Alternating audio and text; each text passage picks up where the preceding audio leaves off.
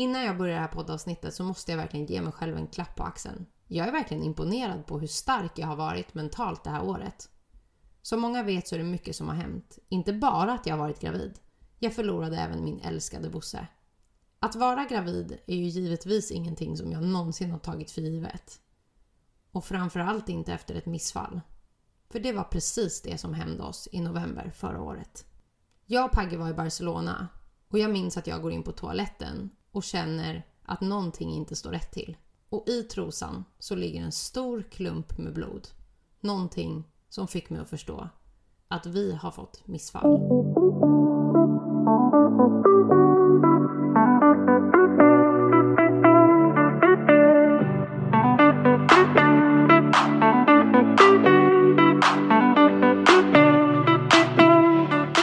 Som kille tror jag aldrig att man riktigt förstår vad ett missfall för en kvinna innebär. Men i mitt fall, den här gången, så var jag mest livrädd för att chansen att bli mamma, den var som bortblåst. I sju månader så höll jag och Pagge på fram och tillbaka för att försöka få ett plus på den där stickan. Och som alla säger, försök att inte tänka, utan bara vara och så händer det när det händer. Och det är nog det värsta man kan säga till någon som verkligen vill ha barn. För hur lätt är det att bara slappna av mitt i allt? Hur koll jag än hade på min ägglossning så blev det aldrig ett plus på den där stickan. Och efter sju månader så kände jag bara, nej, jag får nog bara ta och acceptera att det händer väl när det händer. Jag var trött på att lägga pengar på alla de här ägglossningstesten och framförallt trött på att lägga pengar på graviditetstesten som hela tiden bara gjorde mig besviken. Och vad händer? Jag och Pagge slutar tänka och plötsligt så händer det. Vi ska bli föräldrar.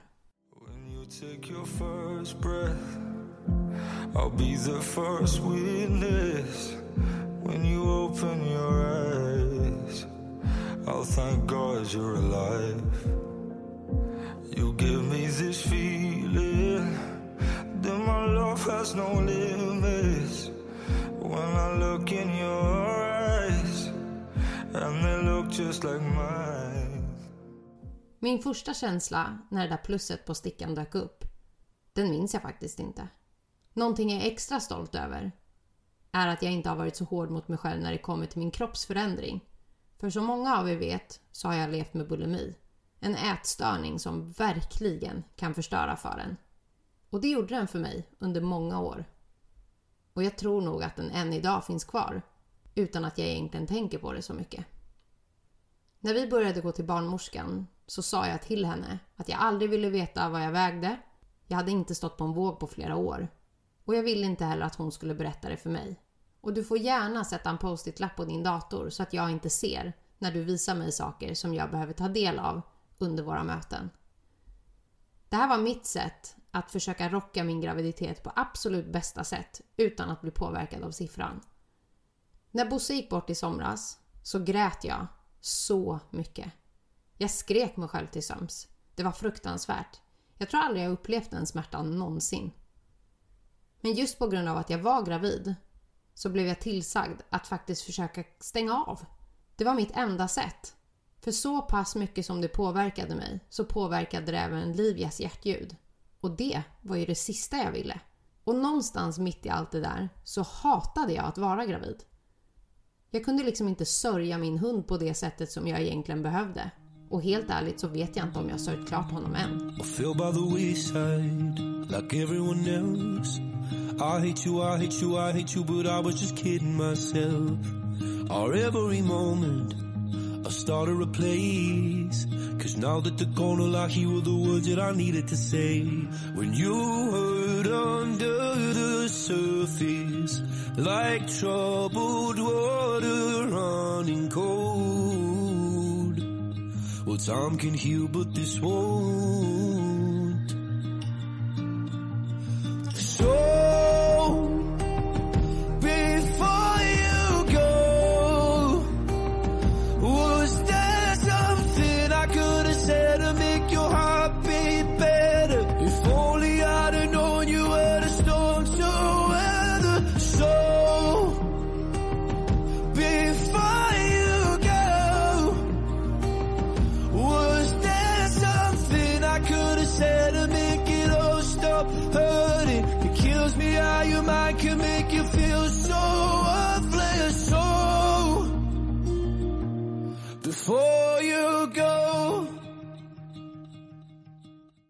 Det är konstigt det där att någonting som man har längtat efter hela livet kanske inte riktigt blev så som man hade tänkt sig.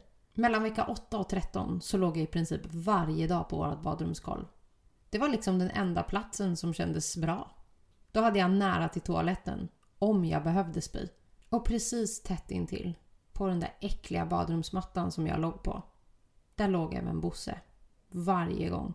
Han lämnade verkligen aldrig min sida. Trots att jag efter 13 veckor mådde ganska bra så vet jag faktiskt aldrig om jag vill göra om det här igen. Och det har ingenting att göra med att jag hade en dålig graviditet. Det tog bara alldeles för mycket på krafterna. Både fysiskt och mentalt. Jag vet helt ärligt inte om Bosses bortgång var en bidragande faktor till att jag inte gillade att vara gravid. Jag tror att det handlade om att jag inte riktigt kände att jag fick sörja klart på det sättet som jag egentligen hade behövt. Jag ville inte annat än att bara vara. Jag ville inte att någon skulle tvinga mig till att äta, till att dricka, till att komma upp ur sängen. Jag ville bara att de här panikångestattackerna skulle få vara utan att någon avbröt mig från dem för att jag behövde tänka på någon annan än mig själv. Det vill säga Livia i det här fallet.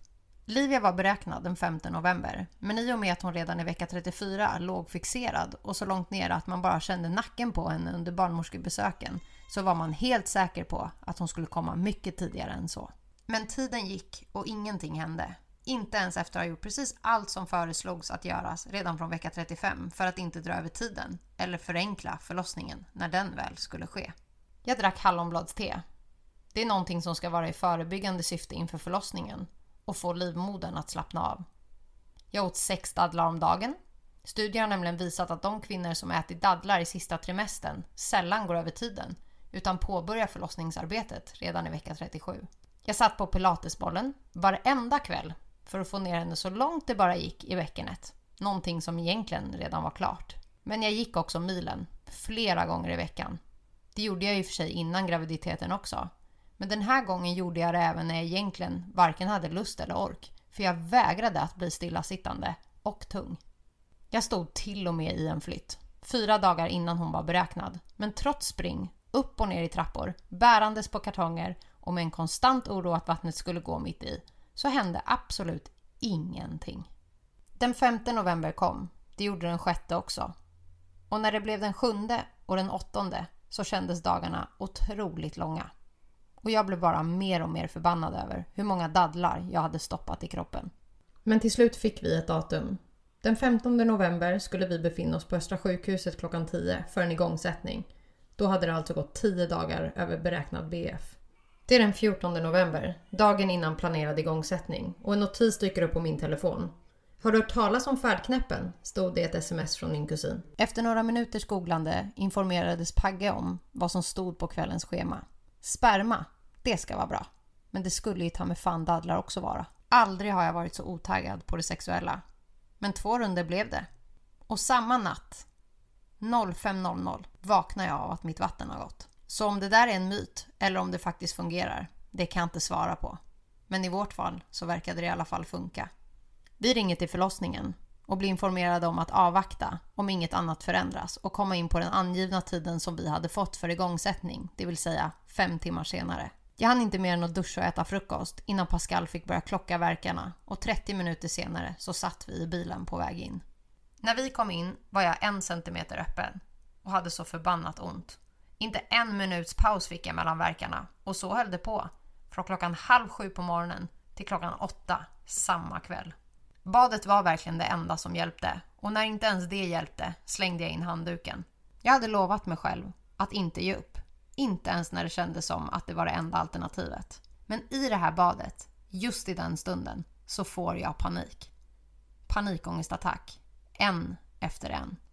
Och både Pascal och barnmorskan försöker få kontakt med mig men inser snabbt att det verkligen är illa. Det var här beslutet om kejsarsnitt togs. I över åtta timmar hade jag kämpat och hållit humöret uppe, skrattat och verkligen varit envis, hur ont det än gjorde.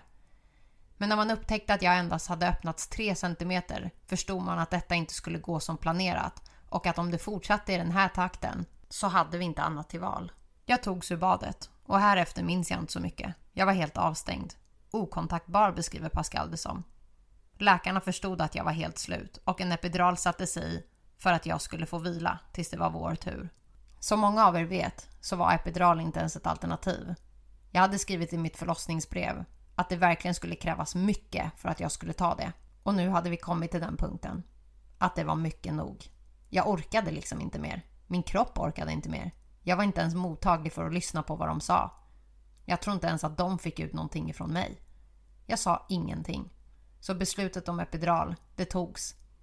Jag tror faktiskt att Pascal var en av dem som övertygade mig om att ta det, så att jag fick vila. När narkosläkaren klev in på vårt rum har Pascal beskrivit det som att jag kunde inte ens sitta rakt, vilket jag behövde göra när han skulle stoppa in nålen i ryggen på mig. Barnmorskan och han kämpade medan jag hängde med ett tungt huvud på Pascals axel. Jag ville bara att det här skulle ta slut. Så fort nålen var inne och jag fick lägga mig igen på sängen kände jag plötsligt hur hela sängen bara blev varm. Jag tittade på Pascal och undrade om någon hade lagt en värmedyna på sängen. Han skrattade och sa Det är nog epiduralen. Jag har nog aldrig upplevt en så skön känsla. I alla fall inte efter den smärtan. Och direkt därefter så somnade jag.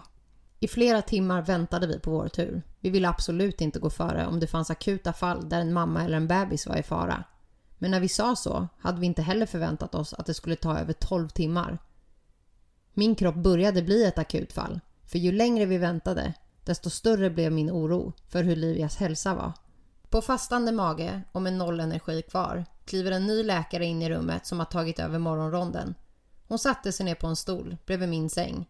Där för att informera mig om att hon har tagit beslutet om att inte genomföra kejsarsnittet och tvinga mig att föda vaginalt. Den historien är alldeles för lång för att ta här, men det slutade i krig när hon började ifrågasätta min roll som mamma och menade på att det är tufft att bli mamma och om jag inte klarar det mentalt här, hur ska jag då klara det mentalt hemma? Ni förstår ju. En idiot. Men det som var tur där och då var att barnmorskorna stod upp för mig. De reagerade lika starkt. Och var det någon som reagerade starkast så var det Pascal. Jag har nog aldrig sett den sidan av honom. Läkaren lämnade rummet på min order efter att jag flugit ut i sängen med fingret pekande mot henne hotfullt. Och när hon lämnat klappade barnmorskan mig på kinden som fyllts med tårar av ilska och sa Oroa dig inte, jag löser det här. Jag är din advokat. 45 minuter senare rullades jag upp till operation. Nervös, ledsen och framförallt orolig för Livia. Hon bara måste komma ut frisk. Bredvid sängen som rullas genom korridorerna går Pagge. Han är klädd i blå sterila kläder vackrare än någonsin. Han tittar på mig och säger snart, snart är vi tre. Väl uppe i operationssalen är det enda som går genom huvudet att snart är det här över och vi får åka hem till det trygga. Snittet påbörjas och Pascal håller mig hårt i handen. Jag ser ingenting, men jag känner precis allt. Med hög puls och tårarna i halsen tittar jag upp på Pascal som sitter snett bakom på en stol. Vi ler åt varandra och det känns i hela luften hur nervösa vi är. Plötsligt kom det. Skriket. En liten röst med så mycket kraft och det brister för oss båda två. Vi pussas och torkar varandras kinder. Vi klarar det. Med bara någon minuts mellanrum kommer en liten kropp flygandes runt skynket, liggande i barnmorskans famn. Där, där är hon. En kopia av sin far och lika ilsken som jag var när jag föddes. En bestämd en. Så liten och så perfekt. Vår alldeles egna Livia Lemon Olsson. to